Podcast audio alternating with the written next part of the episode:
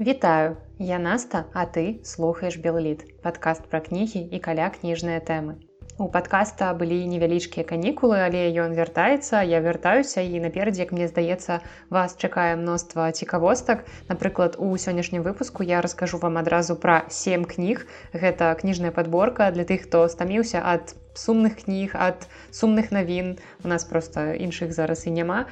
І таксама ў наступных выпусках будуць яшчэ іншыя цікавыя кнігі размовы з гасцямі цікавай гісторыі пра літаратару Мачыма будуць нават відэа і у мяне добрая навіна. Калі вы слухали папярэднія выпускі з гасцямі вы маглі заўважыць што якасць гуку там значна горшая чым калі я записываю выпускі адна.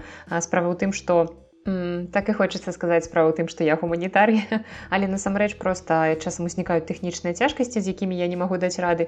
Так часам бывае, калі ўсё робіш адна і калі баіся проста звяртацца да іншых людзей па дапамогу. Але добрыя людзі часам прыходзяць да цябе самі, калі ты не ідзеш да іх таму дзякую усім, хто дапамог мне з гэтым і спадзяюся ўжо ў наступных выпусках вы пачуеце госця ў нармальнай якасці, мяне таксама ў нармальнай якасці і гэта я спадзяюся будзе даволі цікавы выпуск. Таму як кажуць у тэлевізарах не пераключаць спяшайцеся. А сёння і заўсёды асаблівая падзяка ляціць да маіх патронаў сайта patreon.com і дарэчы я штомесяц сярод патронаў разыгрываю кнігі таму абавязкова далучайцеся. І я ўжо працую над выпускам уласнага мерча я магу гэта так гучна назваць мерчом які ў прынцыпе можа быць кніжны мерч я доўга думала і я вырашыла нічога лепш не прыдумала за закладкі паштоўкі якія таксама можна выкарыстоўваць як закладкі. Таму сачыце за абвесткамі у тым ліку і ў маім тэлеграм-канале белбіт спасылку на які вы можете знайсці ў апісанні да выпуску. І як я ўжо сказала, сёння нас чакае кніжная падборка сямі кніг, бо ў апошні час я заўважыла, што сярод маіх знаёмых вельмі моцна ўзрос попыт на жыццесцвярджальныя кнігі. І зразумела, не вельмі хочацца чытаць нейкага там оруэла, калі ты жывеш у адной з яго кніг. І вось на такі выпадак я склала падборку твораў, якія выклікаюць прынамсі ў мяне ўсмешку і нават смех. І гэта не нейкія там саладжавыя такія ванільныя гісторыі, дзе ў ідэальных герояў усё заўжды атрымліваецца ўсё заўжды ідэальна. Гэта кнігі якія сапраўдныя з чалавечымі ўзлётамі з падзеннямі я спадзяюся што вы знойдзеце сярод гэтых кніг нешта цікавае і для вас. І на першы погляд можа падавацца што ў многіх з гэтых кніг усё вельмі беспрасветна негатыўна абсалютна безвыходна. Бо тут напрыклад ёсць людзі якія вырашаюць скончыць свой жыццёвы шлях або жывуць не ў самай спакойнай краіне свету і спойлер гэта не Беларусь але першыя людзі якія хочуць скончыць жыццё самагубствам яны ўсё ж знаходзяць прычыны для таго каб жыць. А другія якія жывуць не ў самай спакойнай краіне яны шукаюць пазітыўныя ў нейкіх бытавых рэчах. І перад тым як перайсці да першай кнігі сённяшняй падборкі я ў вас хочу спытаць што вы ўвогуле ведаеце пра Ізраіль Я думаю тут кожны зараз пачне пералічваць все што ён ведае пра Ізраілі і кажется што гэтага даволі шмат. І ёсць такія нават рэчы блізкія нам беларусам. Напрыклад першы прэзідэнт Ізраіля хайм вейцман нарадзіўся ў беларусі. І таксама нарадзіўся і трэці прэзідэнт Ізраілю ў беларусі гэта залман шазар і дзявяты шымон перс але гэтага недастаткова для мяне прынамсі таму што я ў першую чаргу цікаўлюся літаратурай. І калі я вывучаю пэўную краіну мне хочацца ведаць што іх там з літаратуры як яна развіваецца. І я задумалася што у сучаснай ізраільскай літаратуры э, я не ведаю абсалютна. Я не ведаю ніводнага імя. Калі прынамсі я пачынала чытаць вось гэтую кнігу пра якую пойдзе гаворка далей я на той момант не ведала ніводнага сучаснага ізраільскага пісьменніка і гэта пры тым што беларусам яўрэйская культура даволі блізкая бо у беларусі яўрэі гэта адна з найбольш старажытных этнічных меншасцю і дарэчы гэтая меншасць яна здолела захаваць сваю культуру. І з творчасцю яўрэйскіх пісьменнікаў якія працавалі на тэрыторыі беларусі я знаёмая. Гэта ну я думаю вы таксама чулі пра такіх людзей як мойшы кульбак і зіхарык або залі как сельрод і таксама іншыя. А вось сучаснымі пісьменнікамі ізраільскай дзяржавы я знаёмая была зусім мала калі не сказаць зусім не была знаёмая. І калі я ўбачыла вокладку кнігі про якую пойдзе гаворка далей я подумала что гэтая кніга пра вегетарыянства або пра тое як схуднець тому что вокладка ў яе выглядала менавіта так. І гэта кніга сучаснага ізраільскага празайка эдгара керета сем добрых гадоў і ўпершыню я прачытала гэтую кнігу па-руску под назвай сем тучных лет і гэтая кніга была з каровамі на вокладцы. Яна была белага колеру з чорнымі каровамі іх там было некалькі. І вось гэтае слово тучны ў назве у спалучэнні з выявамі жывёл мне вось прынесла такую асацыяцыю з пахуданнем. По-беларуску дарэчы гэтая кніжка таксама выходзіла. Яна выйшла ў 2016 годзе у выдавецтве логвіну з нармальнай уже назвай якая называлася семь добрых гадоў пераклад Сергея шупы і ну там нармальная вокладка без ніякіх кароваў без ніякага слова тучны таму семь добрых гадоў выклікала у мяне ўжо нармальная асацыяцыя задавальнення перачытала яе па-беларуску але спачатку калі я ўбачыла кнігу чытаць я яе абсалютна не збіралася мяне вокладка назва расійскага выдання абсалютна не прывабілі але на працы абсалютна выпадкова мне на вочы трапіліся пэўныя цытаты з гэтай кнігі і калі я іх прачытала рабяты ўсё тут усё было вырашана я зразумела што гэта кніга для мяне яна мне вельмі патрэбная. І наогул я вам увогуле дам такую параду калі вы не ўпэўненыя ці чытаць вам якую-небудзь кнігу ці не чытаць то просто зірніце не на водгукі бо водгукі бываюць абсалютна розныя. Зірніце на цытаты з гэтай кнігі бо часам цытаты яны значна больш паказальныя. Напрыклад на сайте лайфліп.ру заўсёды ёсць шмат цытат да кніг якія дадаюць самі чытачы. Напрыклад вось я калі чытаю кнігу я заўжды адзначаю ёй цытаты і потым папаўняю сайт цытатамі са свайго прачытанага. І пра што ж гэтая кніга сем добрых гадоў чаму яна мяне так уразіла? І гэта аўтабіяграфічны твор. Ён ахоплівае перыяд жыцця аўтара ад нараджэння сына да смерці бацькі. Гэта акурат 7 гадоў сем тых добрых гадоў пра якія ён піша ў назве. І складаецца гэтая кніга з невялікіх глаў якія чытаюцца як асобныя апавяданні і аўтару гэтых главах апісвае розныя падзеі са свайго жыцця і дзеліцца думкамі на розныя тэмы і тут мне хочацца зрабіць невялічкую заўвагу што для таго каб чытаць гэтую кнігу вам зусім не трэба ведаць хто такі гэты аўтар нічога не трэба ведаць пра яго асобу бо вы ўсё даведаецеся з кнігі. І на ягоным месцы мог быць абсалютна любы чалавек нават вы або проста выдуманы персанаж мастацкай кнігі Але разам з тым трэба памятаць, што аўтабіяграфічныя творы пісаць заўсёды больш складана, чым мастацкую прозу. І я была здзіўленая шчырасцю керыта, бо ён адкрыта нам паказвае сваё жыццё, ён нічога не перабольшвае, не прыхарошвае і ў яго неверагоднае пачуццё гумару, якое дзейнічае так вось табе пачынае падавацца, што гэта твой блізкі сябар, які табе расказвае нейкія гісторыі пра сябе, пра сваё жыццё. І у гэтай кнізе шмат сатыры, але гэтая сатыра яна абсалютна не злая, хутчэй ён неяк тонка прыкмячае ўсе дэталі навакольнага свету і можа сабе дазволіць жартаваць на розныя тэмы напрыклад як жыхар ізраілю можа дазволіць сабе жартаваць нават на тэму тэрарызму бо каму яшчэ як не ізраільцяніну прыйдзе ў галаву параўнаць гульню энгрибёрдс з дзеяннямі рэлігійных тэрарыстаў фундаменталістаў Если заглянуть за очаровательный фасад со смешными сладкоголосыми зверюшками, обнаружится, что Angry Birds – игра, полностью следующая духу религиозных террористов-фундаменталистов – я знаю, что создателям игры эта фраза не понравится, и политкорректно ее тоже не назовешь. Но как еще объяснить игру, в которой ты готов пожертвовать жизнью, чтобы разрушить дома невооруженного противника, и в процессе убить его самого, его жену и его детей? И это я еще даже не затронул тему свиней, грязных животных, которые в риторике фанатического ислама часто обозначают еретические расы, заслуживающие смерти. Если подумать, коровы и овцы тоже легко могли украсть наши яйца, но создатели игры намеренно выбрали этих жирных капиталистических свиней цвета долларов. І тут яшчэ одна моя рэмарачка, што ўсё напісана ў кнізе варта ўспрымаць выключна як жарт. Зразумела, што аўтар піша гэта выключна для таго, каб павесяліць чытача і нічога такога сур'ёзнага ён на ўвазе не мае. І некаторыя гісторыі з гэтай кнігі ўвогуле вельмі абсурдныя і можа падавацца, што гэта ўсё выдуманае, што гэта не сапраўднае жыццё аўтара і ад гэтага гэтыя гісторыі становяцца яшчэ больш каштоўнымі. Аўтар шмат піша пра свае польскія карані і пра трагічныя падзеі ў Ізраілі. І мы ведаем, што гэтая краіна, якая знаходзіцца бясконца ў стане вайны яны перажываюць бамбардзіроўкі і керат апісвае гэта ўсё са здаровай долей аптымізму. Як змагацца з надакучлівымі званкамі ад прадаўцоў чаго заўгодна і калі наступіць найлепшы час каб адпусціць вусы? Вось адказы на ўсе гэтыя пытанні вельмі дзіўныя пытанні. У не менш дзіўнай але вельмі займальнай кнізе керыта вы знойдзеце абавязкова.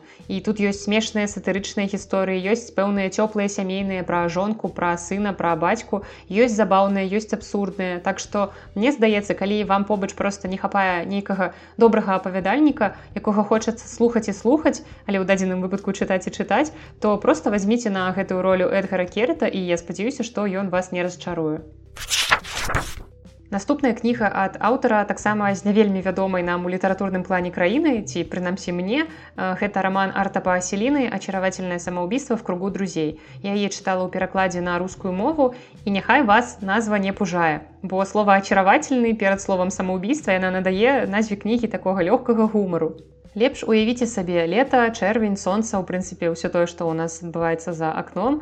Можна падумаць што гэта выдатны дзень каб з'ехаць у адпачынак на мора ці хаця б кудысьці за горад на прыроду. Але у бізнесмена банкрута рэланніна і палкоўніка ўдаўца кэмпайніна зусім іншыя планы. Пакуль што два гэтыя героі кнігі незнаёмыя паміж сабой, але аднойчы яны сустрэнуцца ў адным хляве, таму што абодва палічылі гэты хлеў выдатным месцам, каб здзейсціць самагубства. Праўда ж гэта выдатная ідэя для сонечнага дня. Мужчыны прыйшлі ў хлеў з адной той жа мэтай, але ажыццявіць гэтую мэту яны так не здолелі, бо неяк ну гэтая рэч, якую хочацца рабіць у цішыні ў спакоі, не тады, калі побач нехта хоча таксама сябе забіць. Самы страшны враг фінов безнадежнасць, грусть, она же беспричинная бездонная апатия. Меланхолия витает над несчастным народом, тысячи лет держит его в подчинении, поэтому душа его мрачна и серьезна. Власть ее так сильна, что многие финны начинают видеть в смерти свое единственное спасение. Черная меланхолия – более жестокий и беспощадный враг, чем даже советская власть. Але ж гэтая сустрэча кардынальна змяняе планы мужчын і вось яны ўжо размаўляюць і абмяркоўваюць прычыны, якія іх у гэтых леў прывялі, а потым яны прыходзяць да высновы, што такіх самагубцаў, як яны, мабыць, увогуле ў Фінляндыі даволі шмат. І чаму ж ім не аб'яднацца ў клуб, як той казаў паводле інтарэсаў і вось такім чынам з'яўляецца клуб самагубцаў. Мне кажется, многие отказались бы от самоубийства, будь у них возможность поделиться своим горем с теми, кто оказался в похожем положении. І вось два нашыя героі ўжо ў аўтобусе з кампаніяй такіх жа суіцыднікаў яны калясяць па свеце са сваім гэтым клубам суіцыднікаў. І як вы думаеце, ці адмовіліся яны ад гэтых суіцыдальных ідэй? Насамрэч не, бо гэта проста іх апошняе падарожжа перад тым, як здзейсніць задуманае. Праз усю Фінляндыю і заходнюю Еўропу яны едуць разам у аўтобусе, але такая цікавая думка ўзнікае ў галаве. Ці захочацца ім здзяйсняць задуманае ў канцы гэтай паездкі? Або жыццё яно ўсё ж не такое кепскае калі побач проста ёсць добрыя людзі. Вось вы прачытаеце гэтую кнігу і даведаецеся як склаўся лёс такога клуба самагубцаў. Человек обретет вкус к жизни когда узнает что и у других дела идут плохо что он не один такой чертов неудачник Наступная кніга будзе нечаканай, бо напісана яна не па-беларуску, не па-руску, не на нейкай замежнай мове вядомай вам, а на нашай з вами родненькай адзінай і непаўторныя трасянцы. Твор пад назвай я прыду за табой у аўгусце напісала аўтарка, якая хаваецца пад псеўданімам каміла цень і можа гэта ўвогуле не аўтарка. Можа быть гэта аўтар. Я не ведаю мне здаецца ніхто не ведае але сам факт што гэты твор восенню 2018 года скалануў беларускую літаратурную прастору і трасяначныя эксперты так званыя пісалі што ніякая гэта не трасянка але факт ёсць фактам што гэтая кніга па-добраму ўзрывала мне мозг многім маім знаёмым і прымусіла нас проста рагатаць да слёз І тут невялічкая моя ўстаўка, бо пакуль я записываю гэтае аўдыо, мне здаецца, што мае суседзі святкуюць нейкі дзень рассіі. Інакш я не магу патлумачыць навошта ў іх нейкая расійская папса грае так гучна, што я вельмі добра чую і магу разабраць асобныя словы ў сваёй кватэры. І перад пачаткам запісу гэтага выпуску я ўжо зачыніла акно, каб вам не было чуваць гэтыя шумы з вуліцы. Але я нічога не магу зрабіць з гэтымі суседзямі. Я пастаралася тут накрыць сябе коўдрай, каб неяк не праходзіла хаця б праз коўдру не праходзілі гэтыя гукі мне тут даволі горача. І тут людзі якія мяне ведаюць якія слухаюць гэты падкаст могуць так узняць адно брывой спытаць што табе горача? Рэальна такое можа быць? Так ребята мне сапраўды трохі горача под гэтай коўдры записывацца але дзеля вас я готовая патрываць. Таму працягваем наш выпуск працягваем гаворку пра кнігу камілы цень я прыду за табой у августе Ну а мае суседзі ў пекле будуць вымушаныя кругласуткава слухаць гэтую музыку, якую зараз яны прымушаюць слухаць мяне. Але вернемся да камілы цень. Я спадзяюся, што з першых старонак гэты тэкст вас не напужае, бо чытацца гэта будзе даволі непрывычна. Але старонцы ўжо недзе на пятай, гэта шчырая споведь кантралёркі грамадскага транспарту у вашай галаве загучыць абсалютна натуральна. Я думаю, нават голасам нейкай вашай знаёмай жанчыны з начосам гадоў 50-60, якіх так вакол шмат на жаль. Галоўнае, каб не гучала гэта голасам аднаго там сашкі. Человеку, я считаю, для счастья нужен простой прожиточный минимум. Во-первых, чтобы дома было чисто и спокойно. Во-вторых, чтоб мир был. А в-третьих, чтоб люди были вежливые и довольные и к друг другу относились уважительно. Галоўная гераіня гэтай кнігі Зінаіда Юр'еўна думала, што ўжо шмат розных людзей бачыла, працуючы кантралёркай у транспарце. Але упершыню ёй трапіўся мёртвы пасажыр. І яна жанчына даволі актыўная, вельмі кемлівая і там, дзе міліцыя не бачыць некага крыміналу, Юр'еўна распачынае ўласнае расследаванне і гэтая кніга дэтэктыву у ёй ёсць усе структурна-кампазіцыйныя асаблівасці дэтэктыўнага жанру. І доказы нам адкрываюцца адначасова з тым як адкрываюцца галоўнай гераіні аўтарка нічога не хавае таму чытач таксама мае магчымасць паўдзельнічаць у расследаванні а жыхарам шабаноў і ангарскай будзе ўвогуле прыемна пазнаваць у кнізе родныя мясціны і гэта той момант калі універсам байкальскі для цябе не пусты гук адразу скажу каму трэба праходзіць міма гэтай кнігі. Гэта ўсім адэптам сакралізацыі мовы тым для каго беларуская мова гэта не натуральны сродак камунікацыі а музейны экспанат за шклом з якога трэба асцярожна выціраць пыл бо я просто хвалююся за псіхіку гэтых людзей яны такой кнігі не вытрымаюць Люди цяпер усе раздраженыя, подозрительныя, на жизнь с утра до вечера жалуются, на бедность, как будто они раньше миллионерами были, как будто у каждого машина была с личным шофером, а теперь вось усе разорылись случайно и на автобусах ездить стали. Ну а каму гэтая кніга зойдзе, я думаю усім, хто ўмеў гумар, усім, хто атрымлівае задавальненне ад песень, напрыклад, разбітага сэрца пацана і якраз можаце саундтрекам да чытання гэтай кнігі ўключыць іх альбом карняплоды любві.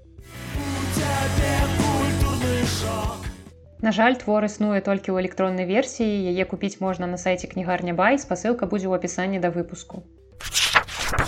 Ці любіце вы альтэрнатыўную гісторыю ці кнігі пра так званых пападанцаў? Я люблю першае і зусім не чытаю другое, бо звычайна такія кнігі гэта нізкаякасная расійская фантастыка. Але наступную кнігу я проста не змагла абмінуць, калі прачытала яе анатацыю. Берлін 2011 года той самы Адольф Хітлер прачынаецца на гарадскім пустыры і не разумее, што ўвогуле навокал адбываецца. Так пачынаецца дэбютная кніга нямецкага журналіста Тимура Верміша он снова здесь. І вельмі прашу вас загугліце вокладку гэтай кнігі, бо гэта проста твор мастацтва. І вось гітлер знаходзіцца ў нашым часе і трэба неяк яму прыстасоўвацца да гэтага новага свету. Хаця навошта ён будзе прыстасоўвацца гэта ж адольфа лаізыч той самы майстар палымяных прамоў які столькі ў гісторыі нарабіў чаму ён мусіць прыстасоўвацца ён наадварот прыстасуе гэты новы свет да сябе гітлер пачынае больш даведвацца пра наш час ён знаёміцца з сучаснымі тэхналогіямі і нават набывае пэўную вядомасць Праўда зусім не такую якая ў яго раней была ці якую б яму хацелася мець людзі яго хутчэй не ўспрымаюць усур'ёз лічаць комікам які проста надта моцна ўжыўся ў ролю Ну і калі ён пачынае гаварыць, гэта не робіць яму лепш, таму што ўсе людзі хутчэй смяюцца з таго, што ён гаворыць, яны ўспрымаюць гэта як жарты пэўныя анекдоты. Я нисколько не удивился, узнав о недавнем триумфе шведа с его мебелью. В своей вшивой стране швед все время занят поисками дров для отопления, и не мудрено, что порой у него может получиться то стул, то стол. Гітлер па-ранейшаму ўмее рабіць палымяныя прамовы, вось толькі цяпер гэта так сур'ёзна не гучыць. І чым больш ён злуецца, чым больш ён будуе нейкіх грандыёзных планаў наконт таго, як ён захопіць свет зноў, тым больш гэта весяліць людзей. І ну як тут у такой сітуацыі атрымліваць сусветнае валадарства. У такой абстаноўцы абсалютна немагчыма працаваць і гітлер яшчэ больш злуецца. Послушайте, а вы мне киоск не обчистите? Я гневно посмотрел на него. По-вашему, я похож на преступника? Он смерил меня взглядом. Вы похожи на Адольфа Гитлера. Вот именно, сказал я. І гэтая кніга яна не зусім альтэрнатыўная гісторыя гэта хутчэй кніга ў стылі а што б калі з ноткай пэўнай фантастыкі такой прыемнай ідыётынкі і калі вы любіце падобныя творы то вам сюды і ў кнізе дарэчы ёсць пэўная згадка беларусаў А автобаны, как и при мне, по-прежнему строили польские, белорусские, украинские и прочие иностранные рабочие, причем за такие зарплаты, которые были для рейха гораздо выгоднее любых войн. Если бы я знал раньше, как дешев поляк, спокойно мог бы и не трогать его страну. Наступная кніга таксама з фантастычным элементам і гэта роман Мэта Хейга трудно быць чалавекам. І таксама кніга выходзіла па-руску пад назвай людзі і я. І бывае, што я чую ці чытаю ад людзей разважанне кшталту у мінулым жыцці я была дельфінам або у наступным жыцці я буду ніцай вярбой. Але ну больш цікава як мне здаецца разаобрацца з тым хто мы ў гэтым жыцці навошта мы ўвогуле тут куды мы ідём. І вось галоўны герой гэтага рамана просто спрабуе быць чалавекам і разаобрацца як гэта чалавекам увогуле быць. Эндрю мартин быў прафесарам кембрыцкага універсітэта і аднойчы ён вырашыў самую складаную свеце матэматычную задачу якая называется гіпотэза рымана гэта адна з сямі так званых праблем тысячагоддзя і за яе рашэння матэматычна інстытут клея выплаціць узнагароду ў мільён даляраў. Але хтосьці зверху аказаўся фактам рашэння гэтай задачы абсалютна незадаволены і нават напалоханы, бо людзі падаліся ім абсалютна прымітыўнай расай, якая ну не гатовая да вырашэння такіх загадак. І таму на зямлю прыбывае іншапланетнік з планеты Ванадорыя, які забівае гэтага прафесара Эндрю Марціна. Ён перасяляецца ў яго цела і спрабуе выдаліць усе сляды доказу гіпотэзы. І адначасова з гэтым ён спасцігае тонкасці чалавечага жыцця і спрабуе даць адказ на пытанне, дык што ж гэта ўвогуле такое такое быть человеком. Утро на земле не сахар. Вы просыпаетесь еще более уставшим, чем ложились. Спина ноет, шея ноет, в груди тесно от тревоги, порожденной тем фактом, что вы смертны. И в довершении всего вам приходится переделать уйму работы, пока день еще даже не начался. Главная праблема в том, чтобы придать себе приличный вид. І часам вельмі цікава паглядзець на сябе збоку і так аўтар з іроніяй апісвае шматлікія асаблівасці нашага існавання, гледзячы на іх працу спрымання прышельца. І той вельмі шчыра здзіўляецца, калі бачыць многае з таго, што мы робім і вось назіранне іншапланетніка яны вельмі дакладныя, яны вельмі смешныя і аказваецца, што мы людзі даволі часта робім вельмі дзіўныя рэчы, якія нам дзіўнымі не падаюцца, але вось калі глядзіш збоку, сапраўды аказваецца, што гэта ўсё даволі незвычайна. Мало того, что ты смертен, так еще приходится тратить часть драгоценного, очень ограниченного времени на чтение. Неудивительно, что люди – такой малоразвитый вид, едва успев прочитать достаточное количество книг, чтобы относительно разумно распоряжаться информацией, особь умирает. І ў кнізе сустракаецца шмат часам даволі смешных часам такіх даволі праўдзівых рэчаў, якія вельмі вельмі балюча у нейкая такую болевую кропку знаходзіць унутры цябе і тыкаюць васроўніка ў гэтую кропку. Позже я понял, что на этой планете все во что-то завернуто. Пища в упаковке, тела в одежде, презрение в улыбке. Все спрятано. Але ведаеце, аўтар ўсё роўна прыходзіць да высновы, што быць чалавекам прынцыпе гэта ўжо не так і дрэнна, бо ўсе недасканаласці і праблемы, якія вось апісвае іншапланетнік, у выніку гэтыя рэчы робяць нас людзьмі такімі вось якія мы ёсць. І гэтую кнігу я магу назваць такой жыццёва-фантастычнай і вельмі праніклівай, але ў першую чаргу гэта кніга, як мне здаецца пра любоў, пра любоў да жыцця, пра любоў да самога сябе, пра любоў да іншых людзей. І для мяне гэта самая незвычайная і цёплая кніга пра іншапланетнае ўварванне. І вось калі вы любіце такую тэму, я вам таксама магу параіць яшчэ і серыял, які я нядаўна паглядзела, называецца засланніцы з космоса. Там таксама такая ідэя. іншапланетнік трапляе на зямлю, ён перасяляецца ў цела, нават не зусім ён прымае вобраз іншага чалавека, які існаваў і ён пачынае жыць чалавечым жыццём і робіць спробы неяк уліцца ў грамадства. Наступную кнігу я змясціла ў гэты топ для таго, каб развеяць пэўны міф пра тое, што скандынавы добра пішуць толькі пра трупаў, пра злачынствы, і ёсць прынамсі некалькі аўтараў якія гэты міф развейваюць. Напрыклад гэта фредрик бакман. Я думаю что вы чулі яго імя не раз у сувязі асабліва з ягонай першай дэбютнай кнігай вторая жизнь увы і мне не хочется гаварыць тут вось пра кнігі якія ўсе ў прынцыпе ведаюць кнігі бакмана. Таму калі вы любіце творчасць бакмана Я думаю что вам прыйдзецца даспадобы таксама юнас юнасан со сваім романам 100 лет і чемадан денег придачу і вы таксама маглі чуць пра экранізацыю гэтай кнігі под назвай столетний старик который вылез в окно і исчез І я не ведаю, як шведы гэта робяць, але гэта проста ну я думаю, нейкі феномен сучаснай шведскай літаратуры ствараць такія цёплыя трохі дзівакаватыя гісторыі якімі потым будзе зачытвацца ўвесь свет. Галоўнаму герою гэтай кнігі алану карлсону успаўняецца 100 гадоў але юбіляр зусім не хоча рабіць з гэтага нейкае шоу тым больш ён знаходзіцца ў доме са старэлых не самае прыемнае месца і ну не вельмі хочацца свае 100 гадоў правесці у гэтым доме. Ну і ён збягае з гэтага дому са старэлых прычым ён робіць гэта праз акно у свае 100 гадоў і вось ты тут на парозе 28годдзя сядзіш думаеш як тут жыць далей а І тут пра гэтага чалавека даволі дарэчы фразеалагізм разысціся на ўсе застаўкі, таму што менавіта гэта з дзедам і здараецца. І паралельна з гэтым нам аўтар расказвае гісторыю жыцця Алана і гэтая гісторыя яна не менш вар'яцкая, чым яго прыгоды ў гонар стагоддзя. Там ёсць і супрацоўніцтва з саветамі, фашыстамі, з нацыстамі, бясконцыя раз'езды па краіне. І ты чытаеш кнігу, смяешся, не можаш спыніцца, хаця разумееш, што многія гісторыі яны зусім абсурдныя, але ад таго яны не робяцца менш мілымі. І ў той момант, калі ў працэсе чытання здаецца, што ну ўсё, больш няма чаго больш вар'яцкага туды ўвапхнуць, аўтар все роўна пацоўвае нейкі новы сюжэтны паварот або пэўную дэталь жыцця галоўнага героя, якая проста ўзрывае табе галаву. Калі вам хочацца чагосьці светлага, дынамічнага, захапля рэальнага то раю вам звярнуць увагу на юнасана ён менш раскручаны чым бакман чым вторая жизнь увы але гэты роман не менш жыццясцвярджальны і цікавы.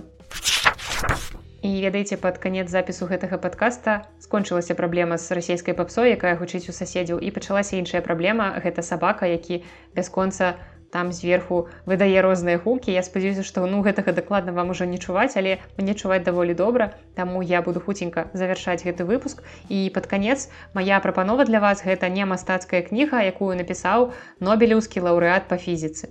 Кніга называется вы, конечно, шуціце містер Фейнман. І калі я пачынала яе чытаць, то ўвогуле нават не магла падумаць, што аўтабіяграфія вучонага фізіка можа мяне прымусіць рагатаць. Але нобелеўскі лаўрат Рчард Фейнман разбівае стэеатып пра тое, што навукоўцы гэта замкнёныя, занудныя, нелюдзімыя дзівакі. І вядома, Фейнман быў троху дзіўнаваты, але я думаю, што з ім вы б сапраўды не засумавалі. Кніга ўяўляе сябе аўтабіяграфію, у якой сам навуковец расказвае пра сваю дзейнасць у свеце фізікі і па-за гэтым светам. І мы даведваемся пра дзіўныя захапленні фейнмана, напрыклад, пра любоў да ўзломлівання сейфаў або пра спробы вучыць японскую мову, а таксама пра некаторыя асаблівасці яго працы ў розных універсітэтах і таксама пра падарожжы па розных краінах. Запісваў гэтыя гісторыі літаратар Ральф Лейтон падчас нефармальных гутарак з фейнманам. За сваё жыццё фейнман увогуле паспеў паўдзельнічаць у многіх цікавых праектах праектах. Напрыклад у самым важным манхэттанскім праекце гэта праграма ЗША па распрацоўцы ядзернай зброі. Але ў перапынках паміж такой ну даволі сур'ёзнай дзейнасцю ён не пераставаў быць вельмі неардынарным чалавекам з выдатным пачуццём гумару. Насколько вы цените жизнь? 64 почему вы сказали 64 а как вы полагаете можно измерить ценность жизни? Нет я имею в виду почему вы сказали 64 а не 73 например Если бы я сказал 73, вы задали бы мне тот же вопрос. Кніга вельмі цудоўная, яна напісаная лёгка, нібыта Фейнман расказвае гэтай гісторыі асабіста вам. І галоўнае, што Фейнман валодаў выдатны для навукоўца рысы характару. Ён валодаў дапытлівасцю. У якой бы вобласці ведаў не знаходзілася новая інфармацыя, ён заўсёды аддаваўся ёй цалкам, каб грунтоўна ў ёй разабрацца. І гэта як вось разбіраць гадзіннікавы механізм да апошняй часткі, каб зразумець, якім чынам ён працуе. Мяне таксама зацікавілі яшчэ развагі фейнмана пра сістэму адукацыі ў прыватнасці бразільскую, якая накіравана не на разуменне матэрыялу, а на механічнае завучванне і вось гэтым, дарэчы, грашаць і беларускія навучальныя установы. І падгульню я тым, што гэта кніга пра бліскучага вучонага з вялікай колькасцю разнастайных інтарэсаў і таксама, што не менш важна з непаўторнай любоўю да жыцця. Я вельмі раю гэтую кнігу ўсім, нават тым, хто не цікавіцца фізікай, бо фізіка ў кнізе ёсць, але ў такой малой колькасці асноўная ўвага ўсё ж такі ў кнізе фіксуецца на асобе фейнмана. І дарэчы, бацька фейнмана пераехаў ЗША з мінска, так што мы нават можам трошачки лічыць Рчарда беларусам. День, наверное, на второй стенографист подошел ко мне и спросил, чем вы занимаетесь? Вы, конечно же, не профессор. Я как раз профессор. Чего? Физики, науки. О, так вот в чем должна быть причина, сказал он. Причина чего? Он сказал, видите ли, я стенографист и печатаю все, о чем здесь говорят. Когда говорят все остальные, я печатаю все, что они говорят, не понимая ни слова. Но каждый раз, когда встаете вы, чтобы задать вопрос или что-то сказать, я понимаю все, что вы имеете в виду, в чем суть вопроса или что вы говорите. Поэтому я и подумал, что вы просто не можете быть профессором. І на такой пазітыўнай ноце на сёння гэта ўсё. Я спадзяюся, што былі кнігі, якія вы для сябе адзначылі, А можа вы нават ужо многа з гэтага чыталі. І спасылкі на ўсе кнігі традыцыйна вы знойдзеце ў апісанні да выпуску, А на гэтым я развітваюся. З вами была Наста і падкаст Белліт. Да сустрэчы.